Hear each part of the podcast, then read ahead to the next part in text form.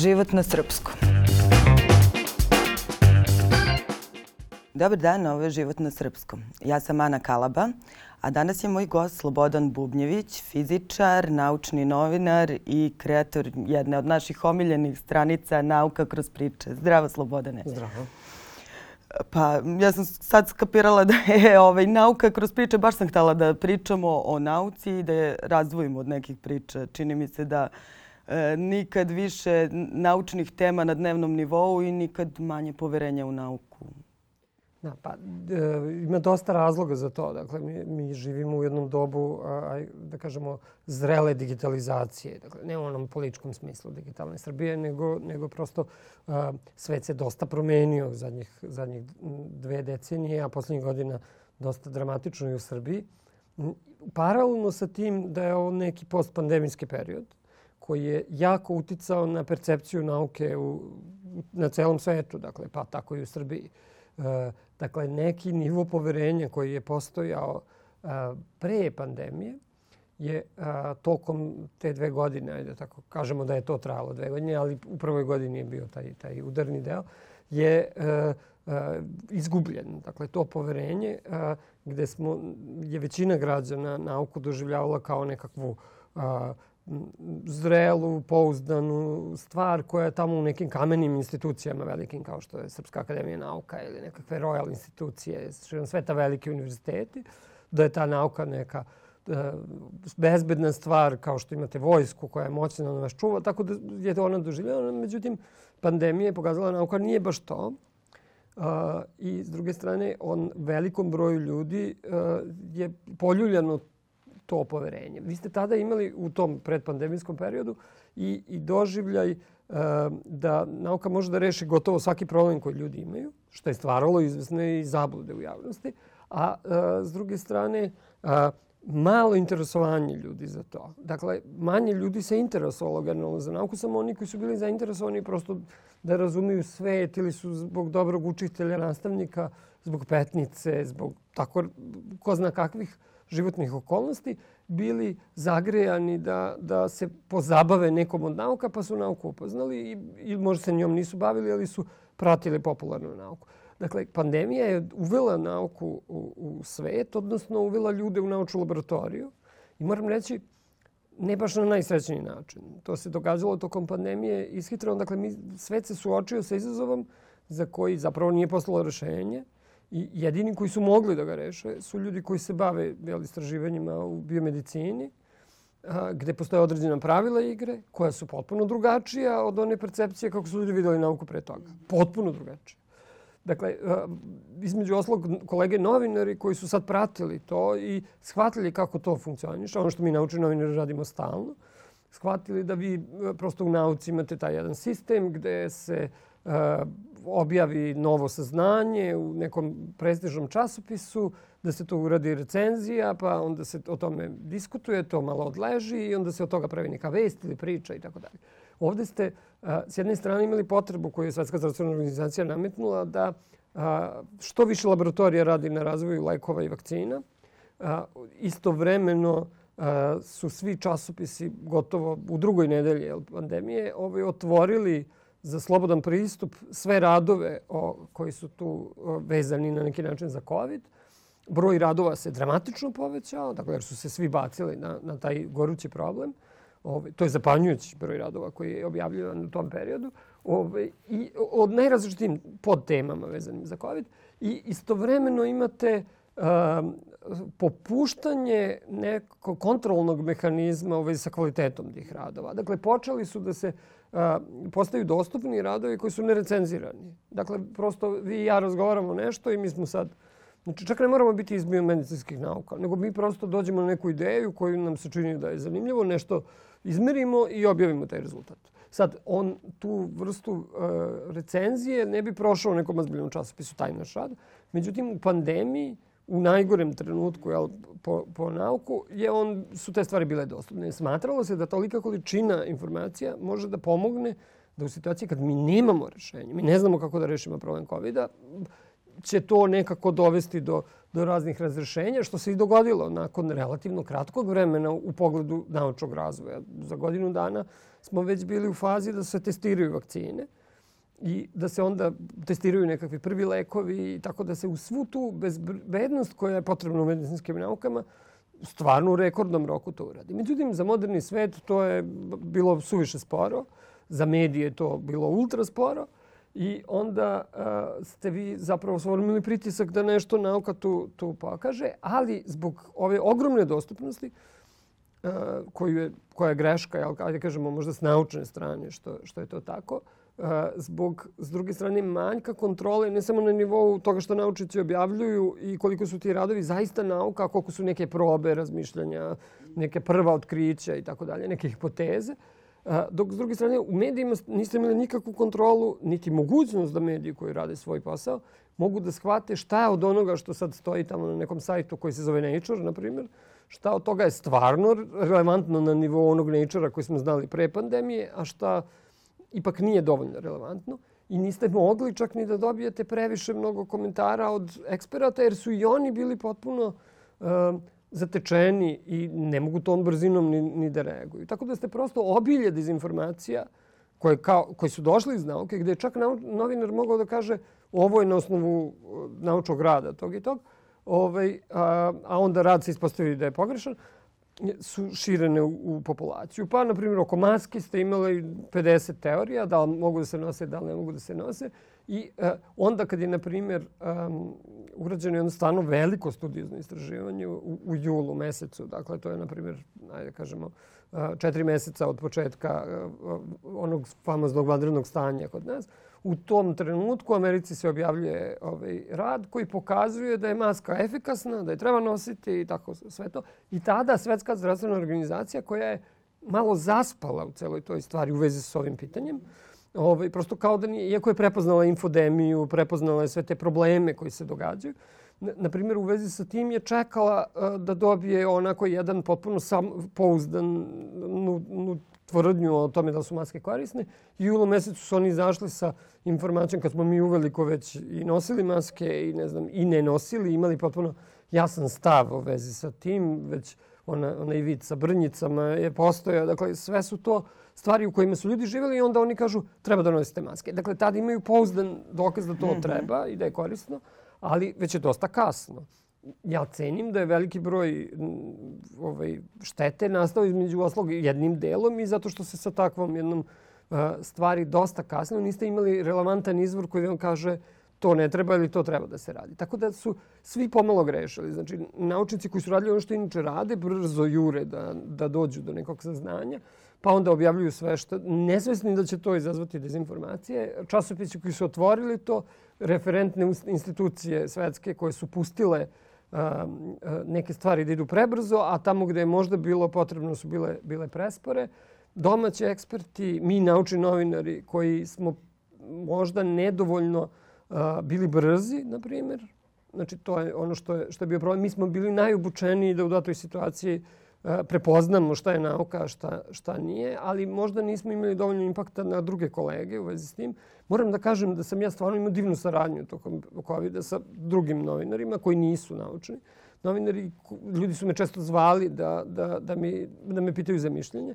Međutim, prosto mi smo trenirani da o, mišljenje novinara nije relevantno, razumete? Dakle, prosto mi smo pokušavali da usmerimo to ka institucijama i nismo se uh, hoću kažem, nismo se svi tu zajedno najbolje proveli, ali smo opet uspeli da damo neku sliku sveta o tome šta činiti i na neki način ljud, većini ljudi koji su hteli malo samo da razmisle o tome šta je to što nam se događa, šta treba raditi, da damo neku vrstu informacije, da li je vakcina dobra, da li nije dobra, koju birati, kako se ponašati, e, da, da je to nekako ipak uspelo da dođe do ljudi.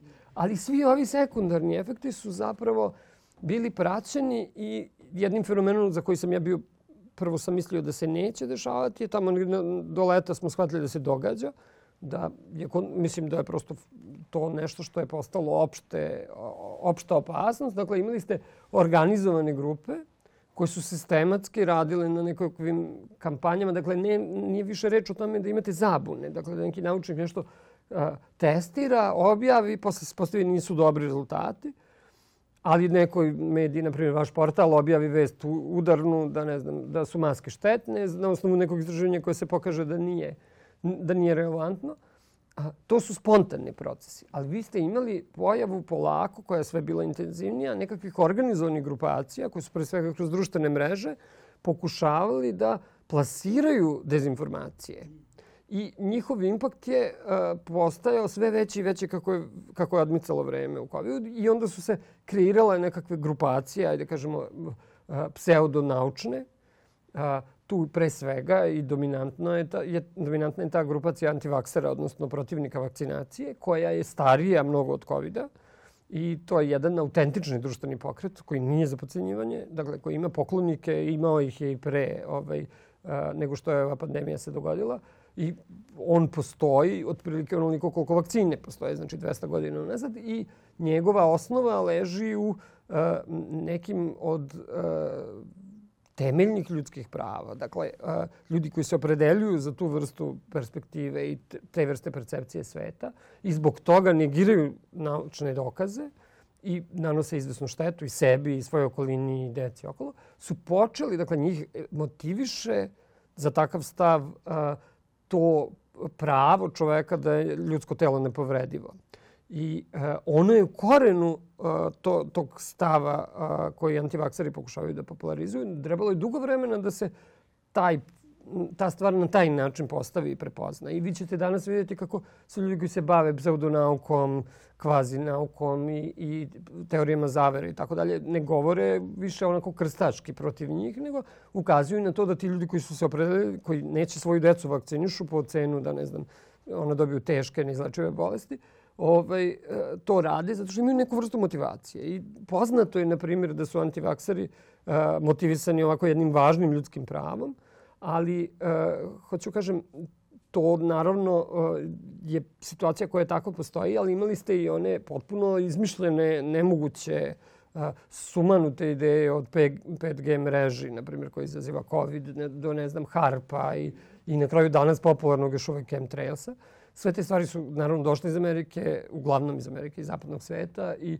i, i zato što su ih tamo forsirale neke određene grupacije i one su različito se adaptirale ovde kod nas i prihvaćene su ovaj, od nekog dela društva u, u Srbiji i jedan broj ljudi je, je delimično verovao u to, a jedan mali procenat je, istinski su pravi true believeri. Oni baš tako veruju to i žive sa tim i nema govora da mogu, možemo mi uopšte komuniciramo o, o nauci kad, kad oni veruju takve stvari. Ali čekaj, kako ti reaguješ na, na ta, e, tako neke stavove? Jer mislim, to često ne samo da se kosi sa nekim ajde, znanjem, e, ozbiljnim, nego mislim, sa zdravim razumom. Ne?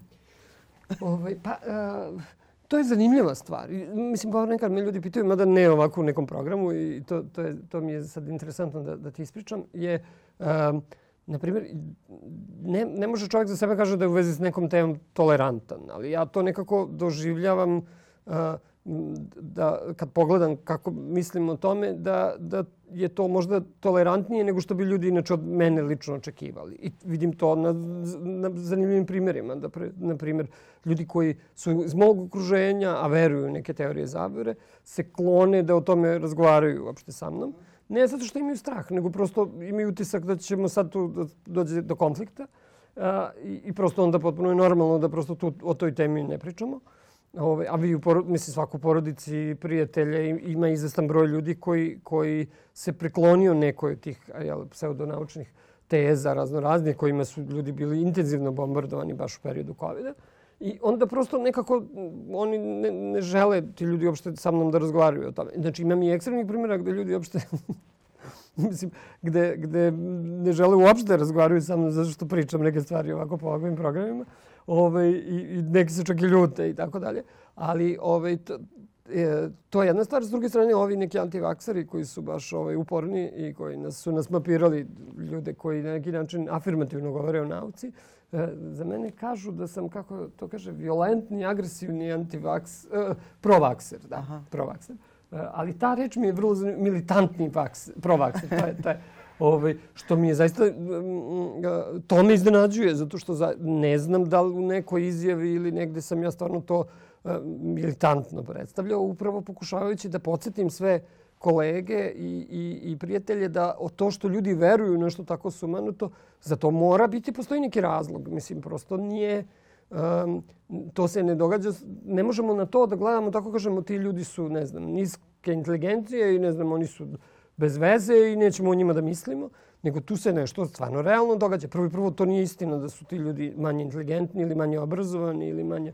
Dakle, oni su samo u nekom trenutku doneli odluke Dakle, u nekom trenutku poverovali između oslo, i onda doneli odluke koje nisu na liniji onoga što bismo, ajde, nazvali mainstream. E sad, vrlo smo blizu, odmah kad to tako postavimo, odgovora otkud to? Pa to je u principu, da većina tih pseudonaučnih tvrdnji i verovanja u to je neka vrsta e, bunta i suprotstavljanja zvaničnoj, ajde kažemo, dogmatskoj verziji sveta, kako ga vidimo.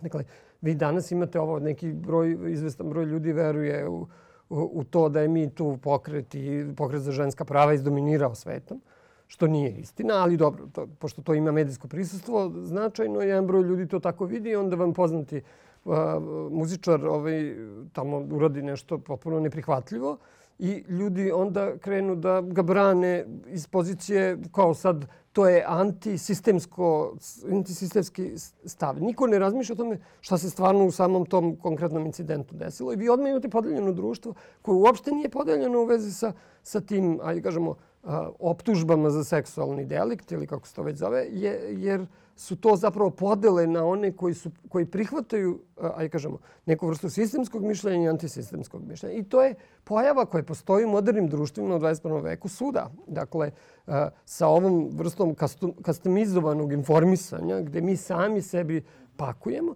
a ono je, nažalost, možda čak i manje pod našom kontrolom nego što je to bio slučaj u prošlosti. Kad smo na kiosku imali, bivalo je, recimo da različitim kioscima to bude i podela, ali, ali vi ste imali državne, državnu štampu, štampu koja je anti, antirežimska, pa ste sami kombinovali. Malo čitate politiku, malo čitate našu borbu, pravite... Da nađeš istinu pa malo gledate sredini, Studio B, malo gledate RTS u to vreme kad je bio onaj stari režim.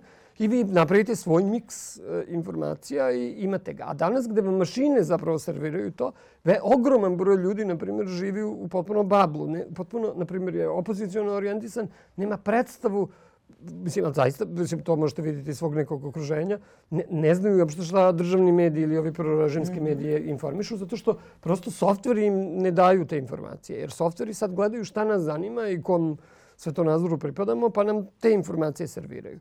I, I u tom smislu vi ne možete da očekujete da kad neko krene putem da, da sumnja, da će on tako lako izaći iz toga. I svet je podeljen na te prosistemske, antisistemske, gro pseudonaučnih, antinaučnih ajde da kažemo, stavova, a, je zapravo u onom svetu ljudi koji su suprotstavljeni a, ovaj, nekom sistemskom mišljenju.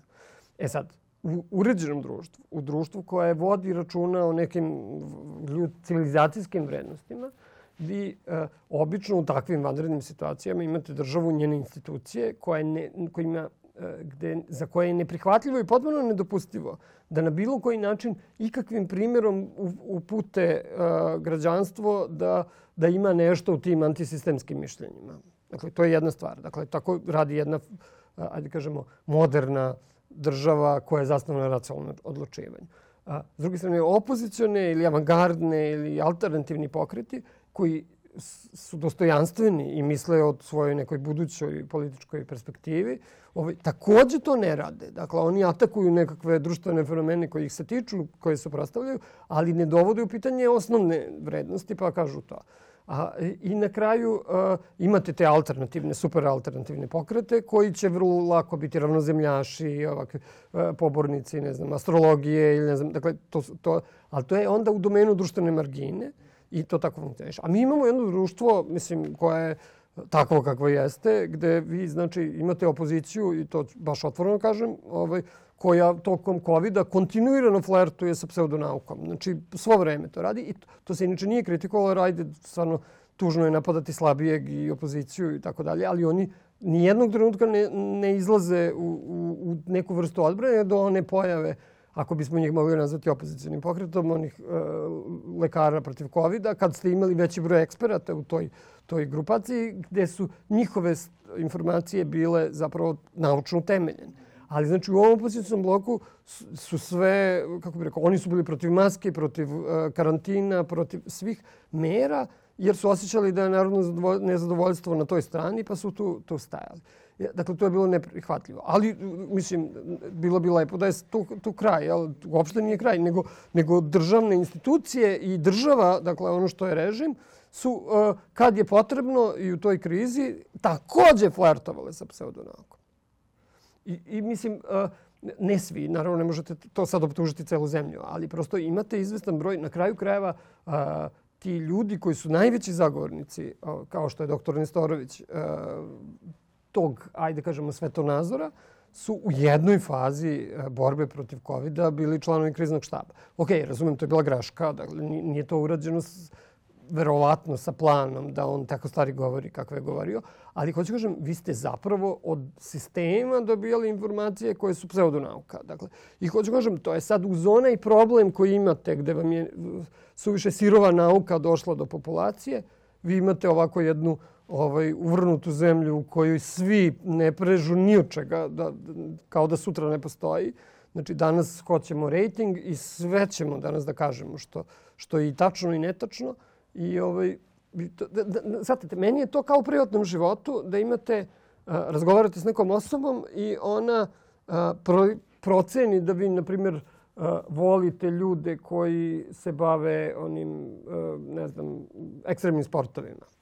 I počinje da vas laže ta osoba kako voli ekstre, ekstremne sportove i da je to sve super i da ona radi to. Pa onda shvati da vi volite proizvode na bazi mleka i ona onda priča. A ona, na primjer, je alergična na laktozu, ali to vam priča. Dakle, mi imamo društvo u kojem su se svi tako ponašali. Dakle, svi su lagali, to je otvora. Dakle, predstavljali su se kao ovaj, da, da su zapravo protiv karantina, protiv uh, svih onih mera, dok bi s druge strane da su u poziciji vlasti to isto radili i borili bi se za vakcinu i tako dalje.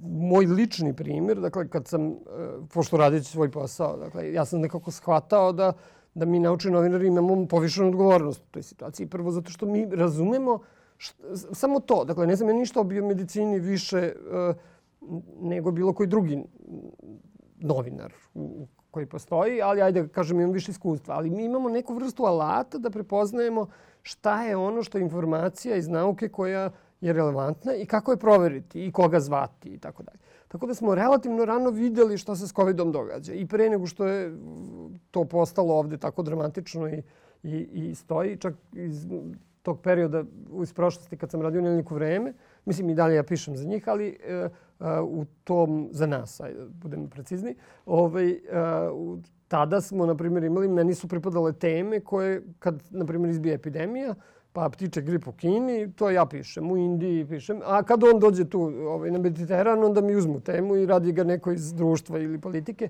jer je to već postala, a, postala tema koja je aktualna na, na, za život. Tako da, znači, da to obično vidi malo ranije. Dakle, prepoznaje.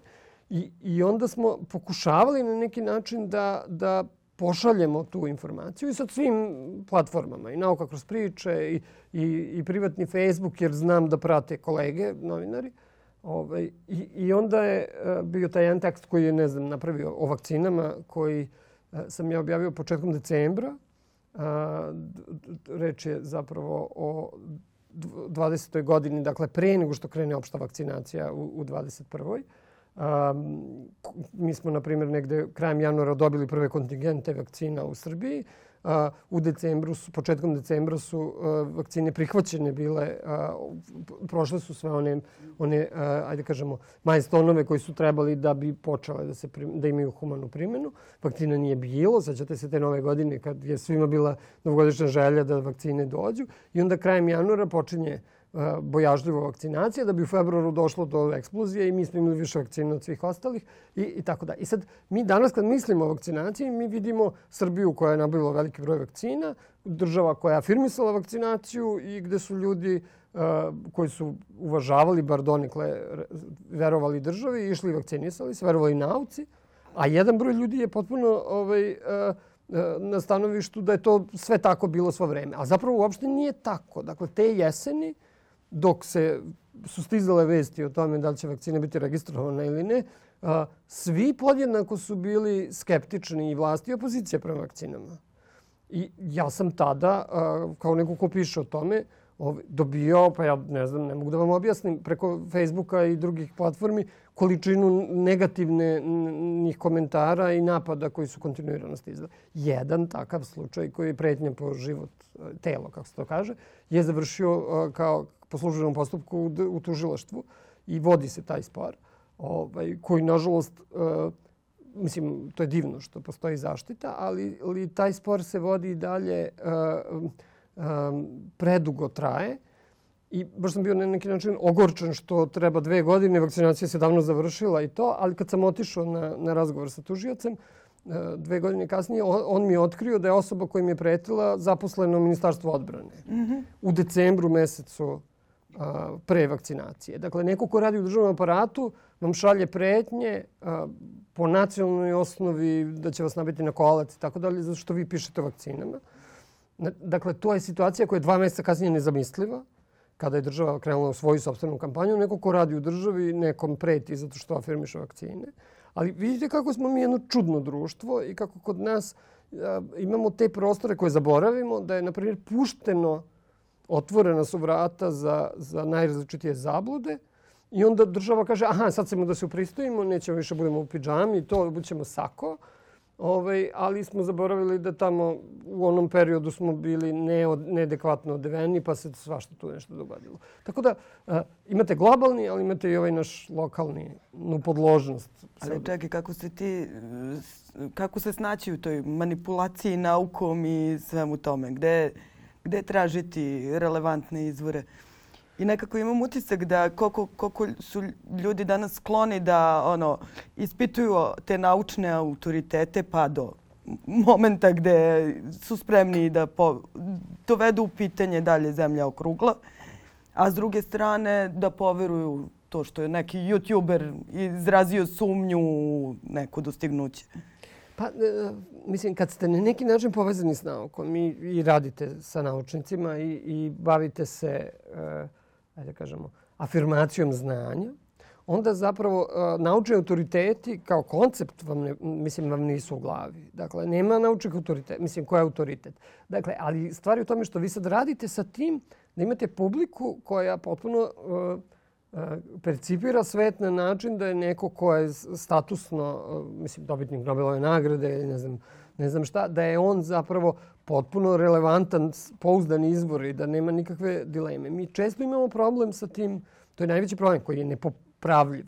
Dakle, skoro sve može da se popravi i u medijima, ali je potpuno nepopravljivo kada vam ekspert visokog, sa visokim rejtingom iz nekog razloga odluči da sebi pravi medijsku kampanju tako što počne da afirmiše neku pseudonauku. Sad, neko ko bi mogo da kaže da, evo ga, ovaj, kako su rekli, militantni provakser, ovaj, koji sad on, kad mu ne odgovara, onda mu ne odgovaraju ti naučnici, kao oni pokušavaju da ih kućutkaju. Ali vi zapravo imate čak nekad i dokazane te afere, gde neki ljudi pred kraj karijere počnu da afirmišu nešto što je Mislim, to smo imali tokom COVID-a. Dakle, imali smo jednog Nobelovca koji je, je bio protiv vakcinacije i koji je između ostalog tvrdio svašta o poreklu COVID-a.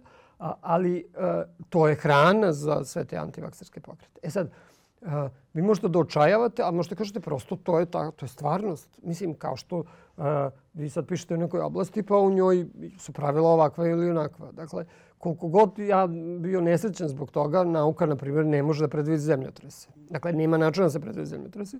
I možete, ne znam, bilo je to čuveno suđenje sedmorici za kvile zbog onog zemljotresa pre nekoliko godina. Ovaj, kad su zapravo neki sezmolozi osuđeni na sudu jer su pogrešno predvile da će zemljotresa biti ili ne, pa su kasnije oslobođeni. Naučno dokazano da u ovom trenutku mi ne raspolažemo s dovoljnim kapaciteta da, da se mogu zemljotresi predvideti. I sad vi možete da to sad igrate oko toga, a možda i jednostavno ljudima da kažete nemojte se nadati, ne možemo da vam predvidimo. Mislim, nema načina. Ovaj, a, neko će zbog toga osetiti razočaranje. Mislim, prosto to je neizbežno. Zato što a, živimo u svetu gde nekako je čovjek toliko pobedio prirodu, volio bi možda malo nešto o tome pričamo, a, da su ljudi potpuno a, očekuju da imamo sve a, unapred definisano i uvijek imamo nekog odgovornog i nauka će uvijek rešiti problem. I kad smo ušli u COVID, upravo to bio najveći izazov. Svi su stali i rekli, ček, ma dajte, zezate me, kao ova prehlada, kao ljudi lete, ne znam, ovaj, lansiraju sonde na tamo neke udaljene asteroide, pogode ga više desetine miliona kilometara daleko, precizno u metar, a kao ne mogu neku prehladu da izleče. Ali ne možemo. Mislim, ne možemo da predvidimo zemljotres. Dakle, nije ljudsko znanje uh, tako baš postavljeno da su sve one rupe do onog fronta potpuno popunjene, nego neke stvari ne znamo. Mislim, Ali meni se čini da mnogo toga kod prirode ne možemo ni da predvidimo ni da pobedimo. Ali šta je sa onim što možemo? Evo, na primjer, pričali smo o vakcinama. E, nam se vraćaju ono, bolesti iz srednjeg veka. E, onda pretnja nukle, nuklearnim napadom, ljudi idu kupuju jod. Mislim, nekako sve, sve se izvrće, sve se ono, pa, e, gubi u tim nekim poluinformacijama, dezinformacijama. Ka, kako bih rekao? Dakle, imate... Uh, dva su nivoa, možda je ovo ključna stvar. Uh, dakle, jedan nivo je stanje naše društva, što je svakako baš zanimljiva, zanimljiva tema. I kako, dakle, mi kroz problem kako doživljavamo te neistine, kako ih absorbujemo iz sveta. Dakle, nismo mi kreatori. Mm -hmm. Dakle, vrlo je mali broj zabluda koji nastao ovde na Balkanu. Dakle, uglavnom smo ih uvezli sa zapada i dali im Da ali volimo ih. ali dali, dali im neku našu, jel, vrlo specifičnu stvar. Ovaj, I onda su se tako zapatile da onda oni koji su ih tamo lansirali kad bi vidjeli kako to ovde izgleda, ovaj, verovatno i njih boli glava.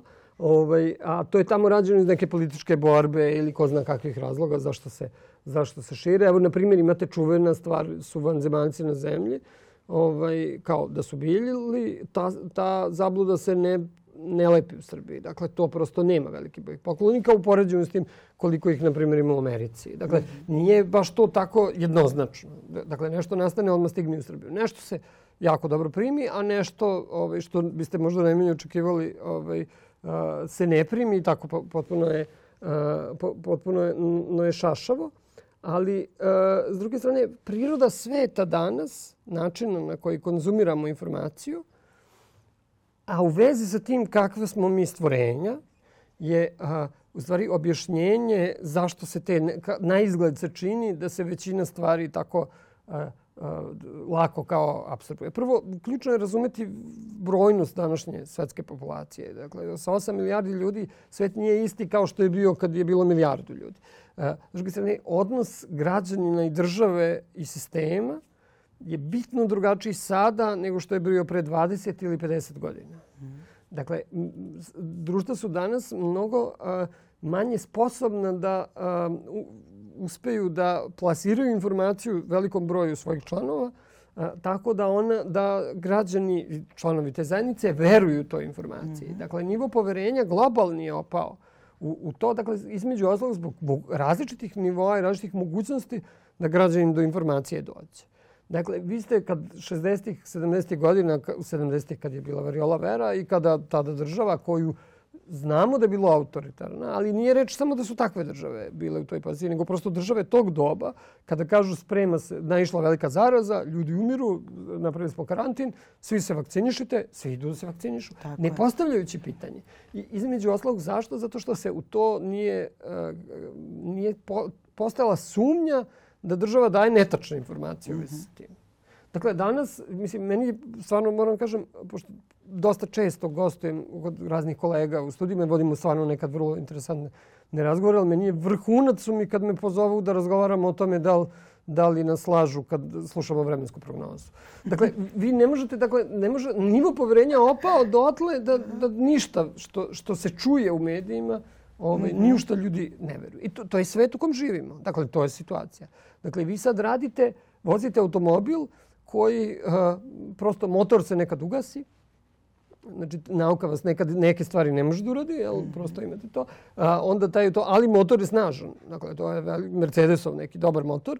Dakle, nauka je vrlo moćna, jel, ona vas vozi kad radi i sve to funkcioniše, a onda povremeno gume su vam potpuno bez onih uh, ovaj, grebena na njima, nema, nema trenja nikako, povremeno to kontinuirano proklizava. Vi, vi se bavite poslom gde informišete ljude o nečemu, znajući da mnogi to prosto po defaultu neće verovati. E sad možete da kažete, da budete isključivi i kažete meni ne veruju, iako ja sad tu neke stvarno činjenice, neki naučnici su tamo zaginuli zbog toga i tako dalje. I da se onda nervirate i kažete to kao kako ljudi ne mogu da veruju to. A možete prosto prihvatiti realnost. Svet je takav. Publika ne percipira a, na isti način informacije koje vi plasirate kao što biste vi možda želi da, da je percipira. I onda prosto radite. E sad, naučnom novinaru je lako da tu mentalnu mentalni skok napravi nekom političkom novinu koji radi istraživačko novinarstvo i bavi se onim gde on duboko veruje da pokušava da otkrije istinu o nekom slučaju, nekoj aferi i tako dalje i ulaže i rizikuje i ulažu se sredstva i puno se radi da se skupe podaci koje drugi nemaju. I onda se dosta veruje da su ti podaci do kojih se došlo, često je tako, ovaj, tačni. Mi koji se bavimo naučnim novinarstvom znamo da su tamo naučni radovi od kojih je većina zapravo, ovaj, to su mhm. temeljne stvari, ogromna količina. Dakle, mi imamo potpuno drugi zadatak. Mi treba ljude da zainteresujemo za informacije koje treba da im damo. Dakle, već u samom, uh, kako bih vam rekao, dakle, ne prodajemo hleb kao hleb, ovaj, nego on dolazi upakovan u nekom simpatičnom poklonu. Dakle, nikad ga ne da, na, naš proizvod ljudi ne vide šta je unutra u kutiji, jer moramo da ga nekako spakujemo da ga ljudi vide i već si uh, nekako pripremljen da publika ne želi tvoj proizvod. Ti si ga stavio unutra, da želi, moraš da je pripremiš za njega mm. i u tom smislu onda ti nije teško da shvatiš Zašto neki, mislim da jedan broj ljudi ne veruje u to. I čak idemo dalje do toga. Čak mi... nikad je taj proizvod od životnog značaja. Mislim, ako od toga zavisi da li ono... Pa gledaj, dakle, kolap, propast e, kampanje vakcinacije ovaj, je, bi značio da je bio potpun. Ovaj, je značio, to, ko, to sam ja čak jednom pisao u jednom tekstu dok je trajala epidemija. Dakle, sad je nauka, poverenje u nauku na globalnom testu. Mm -hmm. Dakle, da je, da je, dakle, mi smo prošli, kako to u životu biva, ni belo, ni crno, nego nešto sivo, malo više belo. Ipak nije tako mnogo ljudi umrlo i to je, to je, to je sjajno. Ali, dakle, s jedne strane da je vest da su ljudi potpuno odbacili pro-vaksersku i, i ostali na, na, na te, tezi da je vakcina opasna, da je to nedovoljno ispitano i to što se pričalo. To je sve izmišljeno, mislim, to su sve realno govoreći gluposti. Ovaj, ali su one dobile svoj medijski prostor i dobile su, kod mnogih ljudi, ljudi su verovali u to. I, i onda ste imali uh, uh, prosto situaciju u kojoj nauka mogla na neki način da bude posle toga shvaćeno kao prosto, mislim, to ničemu ne služi ljudi. Mm. Kao što izgledamo ljudi danas zaista misli. Dakle, ali to je moglo biti dominantno opšte društveno noviđenje. I to, to je jedna vrsta borbe o kojoj se tada nije razmišljao. Ključno je pitanje bilo da redko kada kao naučni novinar imate tu situaciju i redko kada su kolege koje su došle iz sličnih sektora, a pisale su o COVID-u na, na ovaj, na ovaj način, bilo je u toj situaciji da su svesni da ako mi ne uspemo da objasnimo šta je to, da će biti veći broj mrtvih. Da vi na neki način, to čak i novinar običan nema često tu situaciju koji prati neku politiku, vi bukvalno možete da dovedete svojim delovanjem uspešnim ili neuspešnim do toga da spasete izvestan broj života. Moram priznam, ja se osjećam kao da sam malo doprineo da se neki životi spasu i, i na malo stvari sam ponosan, ovo je takav posao efemeran iz dana u dan, ali taj osjećaj da, da možda neko u Srbiji je ovaj, danas živ zahvaljujući tome što je neko nosio maske pa ga nije zarazio ili se neko u njegovom okruženju vakcinisao jer je pročito neki tekst koji je inspirisan nečem što smo pisali, da smo malo doprineli smanjenju. Naravno, neuporedivo sa ljudima koji su medicinari koji su stvarno spašavali živote. Ali, hoću kažem, to je, na primjer, bio ulog. I u tom smislu onda vam, mislim, kad tako gledate na stvari, onda vam to, to pitanje da li vas neko voli i preti i ostalo, to realno nije važno. To stvarno nije važno. Ovaj, ali jeste malo nezgodno. Mislim, jeste ne. malo neprijatno kad te pretnje pređu neke granice i postanu ovaj, vrlo, vrlo ne, neugodne. Ovaj, a ovo ako vas zovu pro, militantni provakser, pa dobro, ne znam. A dobro, ti si nedavno reagovao i na ovaj tekst uh, objavljen u New York Postu, gde je naučnik izašao i rekao pa nisu maske ništa pomogle. Da, pa na to... osnovu istraživanja za koje se posle ispostavilo da su sve te studije rađene pre korone, pre Pa i ne samo to, da, da ne ulazimo baš toliko dubiozno u taj slučaj, ali on je, on je tipičan primjer te situacije gdje imate jednu grupu istraživača koja hoće da zatalasa vodu.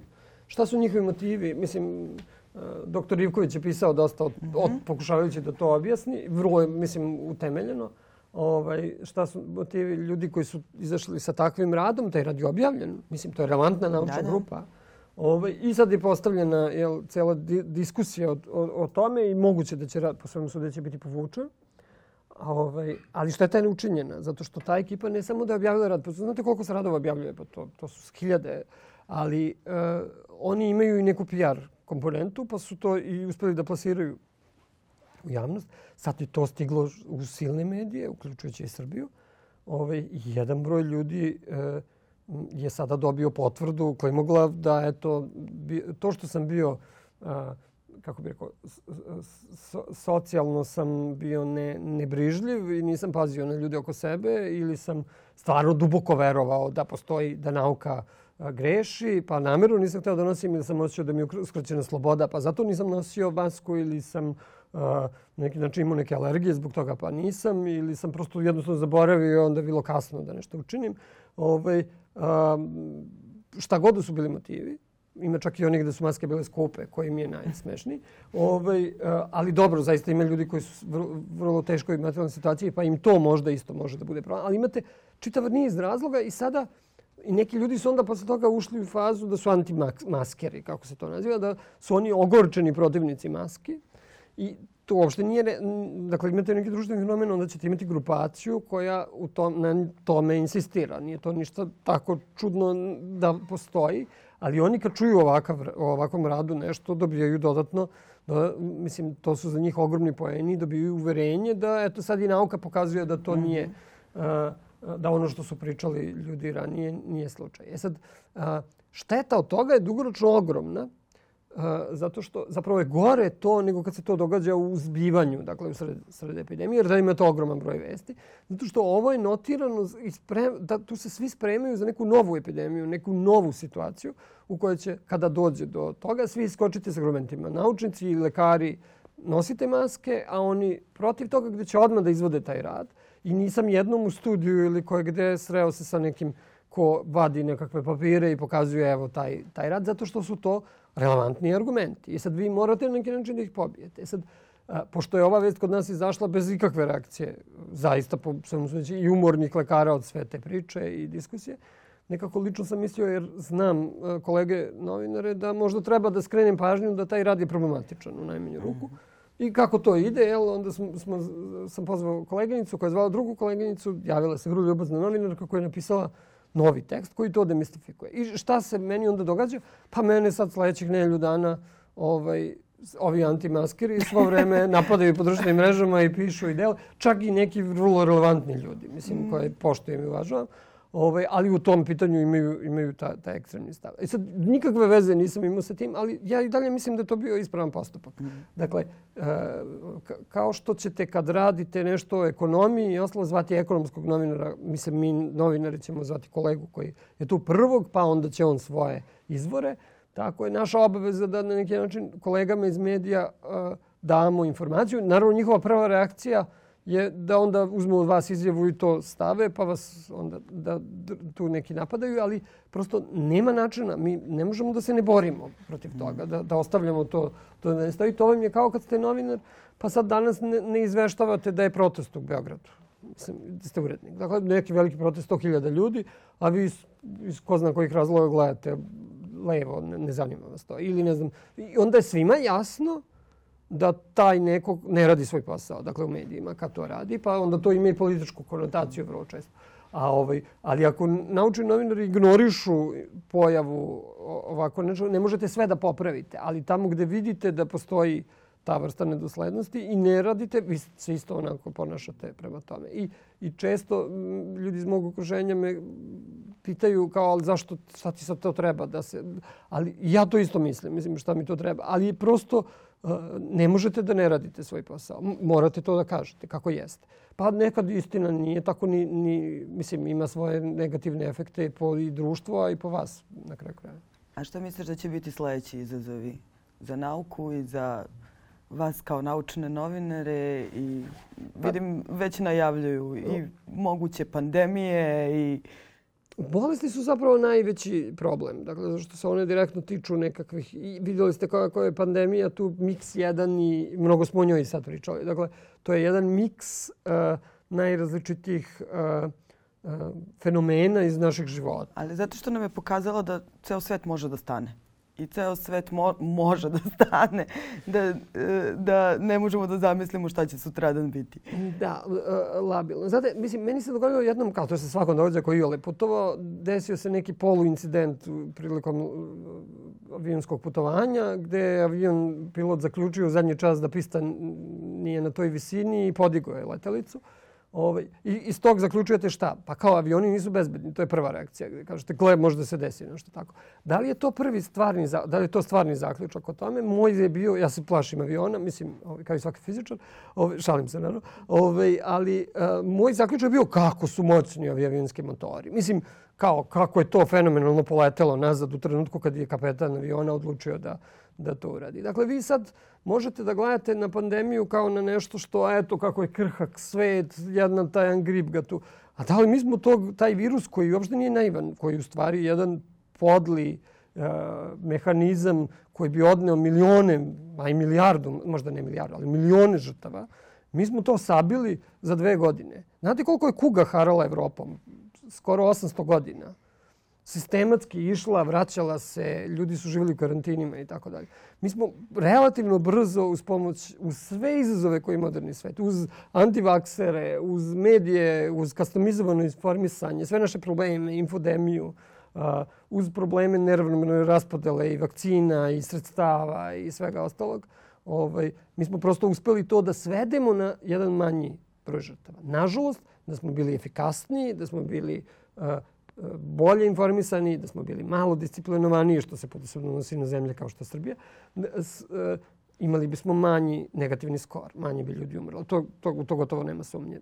To je, to je šteta i to je tragedija, ali opet u poređenju za što je moglo biti, da se ništa nije preduzimalo, ovaj, čovjek je opet pobedio virus ovde. U, u tom smislu ta stvar je šala u odnosu na ono što bi moglo se dogoditi. Dakle, kakve bi pandemije mogle da naiđu gde čak nemate, onda, onda je svejedno kako se informiše. Ako najde nešto što je možda zaraznije, što ima nezgodniji malo period inkubacije. Ali ovdje smo mogli da vidimo kako priroda ovaj, nije baš sasvim pobeđena, kako je mi obično shvatamo. Mhm. Dakle, COVID je to mnogim ljudima konkretno pokazao.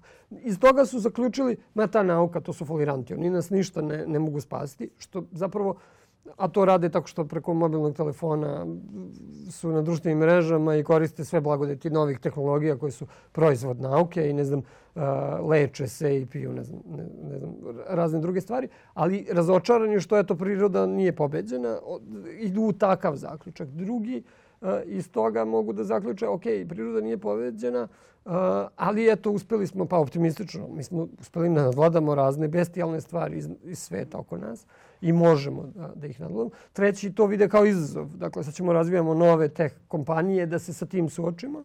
Ovaj, tako, različite su reakcije na tu spoznaju da čovek nije a, baš potpuno sasvim gospodar sveta. Pa čak i kad ste gospodar nečega, bilo čega, uvek postoji neka mala opozicija. Pa evo, ovim nam priroda podsjeća na, na činjenicu da nismo ovaj, baš toliko sve mogući, a to jeste osjećanje koje imaju brojni ljudi i uglavnom mnoge zablude, na primjer, nastaju zbog toga što, na primjer, ta ideja da je veštački virus i tako dalje, što, na kraju kraja, bizarno okolnost da može se pokaže da možda i jeste tako, ali, ali ovaj, da je čovek sve to izazvao sam sebi, to je dominantna stvar koja potiče od uverenja da priroda praktično nikako i ne utiče na naše živote, nego sve ako nam se dešava, to nam ljudi rade. Pa nam ljudi rade o glavi i ostalo.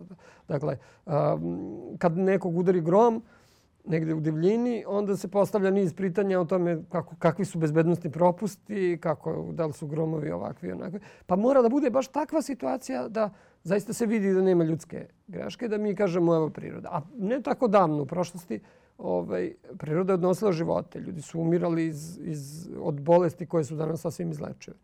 I, a mi eto imamo situaciju da, da zbog ovog načina uh, percepcije informacija kakav je danas, nam se vraćaju neke bolesti, to ste malo čas rekli. ovaj, na to je najzanimljiviji možda odgovor u jednom potpunom onako dublom obrtu jeste što smo i mi priroda. Dakle, mi imamo neke mehanizme koje nam je evolucija dala u načinu zaključivanja u svetu, koji su takvi da smo vrlo podložni tom antisistemskom mišljenju koje dovodi do, do različitih zabluda. Dakle, vi kad otvarate vrata ovaj, i ulazite u stan, e, ne razmišljate, dakle ne proračunavate koliko treba ruku pomeriti, stepene slobode i tako dalje, nego to prosto radite. Ili još jednostavnije, ne razmišljate o tome da li bih sada trebalo da otključam stan ili ne treba da otključam možda treba da sačekam, da pozvonim. Dakle, ne stojite ispred vrata i razmišljate, nego prosto uradite to, to stvar koristeći nekakve heuristike, ubrzane metode brzog zaključivanja i donošenja odluka. Dakle, niste ni prišli vlatima, ključ vam je u rukama, ne znate ni kad se to dogodilo. Ako ste vozač, znate za te situacije kad, i ne znate kad je odluka. Ona se dogodila, ali don, doneli ste odluku tako brzo da, da mašina ne može da, da odreaguje na brzinu vašeg odlučivanja.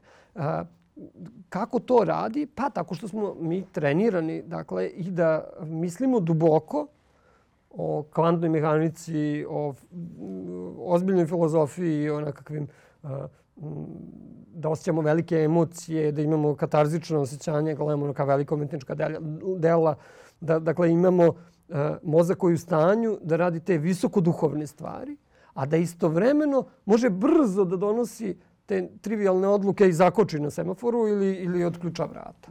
Dakle, takav ljudski mozak je istovremen mašina koja na dva, na dva nivoa radi. To aludiram na poznatu teoriju Kahnemana Tverskog iz psihologije o brzom i sporom, sporom mišljenju, ali otprilike takav model dosta opisuje nas. A, pseudonauka uglavnom a, targetira ovaj brzi model zaključivanja. Dakle, on vam na neki način sugeriše i to možete plastično da vidite. Dakle, e, tamo čopor Vukova je, se približava negde u nekoj savani, stepi, gde god, stepa pre, ako su Vukovi. Ovaj, e, I vi brzo zaključujete da li su Vukovi ili je to neki, neko šipražje na osnovu dve, tri informacije koje vidite u daljini. Dakle, i kažete Vukovi i onda trčite, podižete uzbunu čoporu ljudi i bežite dalje. Dakle, nemate vremena, prvo Vuk je mnogo jači, opasniji, moćniji, brže se kreće od čoveka i čovek je onda razvio brze metode da smo malo signala donese odluku o tome šta da radi. Ovaj, I ljudi, se on, ljudi su zato preživljavali. Zato se to tako izuzetno dobro razvilo kod nas. I kod nas dve, tri stvari uh, stignu informacija o, o vakcinama i ljudi odmah donose odluku. O, ovo je opasno. Dakle, ove bobice su otrovne, njih ne jedem, zato što su tamno modre boje, a one tamo malo svetlije modre su jestive. Dakle, tako odlučuju ljudi. Dakle, dobar deo odlučivanja se na tome bazira. I kad znate, prosto tako nastaju nastaju zablude. Kako to može da se prevaziće? Pa ako taj nije previše ogrezo, ako to sad nije politički stav i ako nije, nije se isvađao sa svom rodbinom oko toga, da vi možete nekakvim argumentovanim, laganim objašnjavanjem, jednim dugim, lepim tekstom, jednim simpatičnim, a, nepretencioznim filmom koji ne, ne pretenduje da ljudima kaže da su glupi ili da su ne znam šta se to misle, nego da im date punu informaciju i e, čovek će onda uvek opredeliti se za ono što je bolje za njega. Dakle, ne treba sad tu nam neki kažu ljudi, ne znam, ljudi će izabrati ono što je bolje za njih. Dakle, u to lično duboko verujem. Ovaj, možda grešim, ali, ali ima osnova da, da je to verovatno tako. Dakle, kad ljudima stvarno objasnite, oni kažu aha, dobro, nisam dobro mislio i tako dalje. Ali možete vrlo lako staviti ljude u poziciju tako što ih o, ovaj, opsujete i ne znam, kažete pokajte se, ovo je prava vera, dakle, vakcine rade, oni će da kažu pa nije tako, ja verujem u nešto drugo i, i neće, neće verovati u to. Dakle, ta stvar postoji zato što, kao što vidite, na kraju nauka objašnjava i to. Dakle, zato što smo mi tako namešteni i to nam mnogo pomaže u stvarnom životu. Tako lako vidimo folirante u politici, na javnoj sceni, ovako, ali nam prođu i mnoge stvari koje, koje ovaj, e, prosto su na kraju štetne za nas. Da. Hvala ti Slobodane, ajde pa u sledećoj situaciji ipak malo da stanemo da razmislimo. Ja, apsolutno.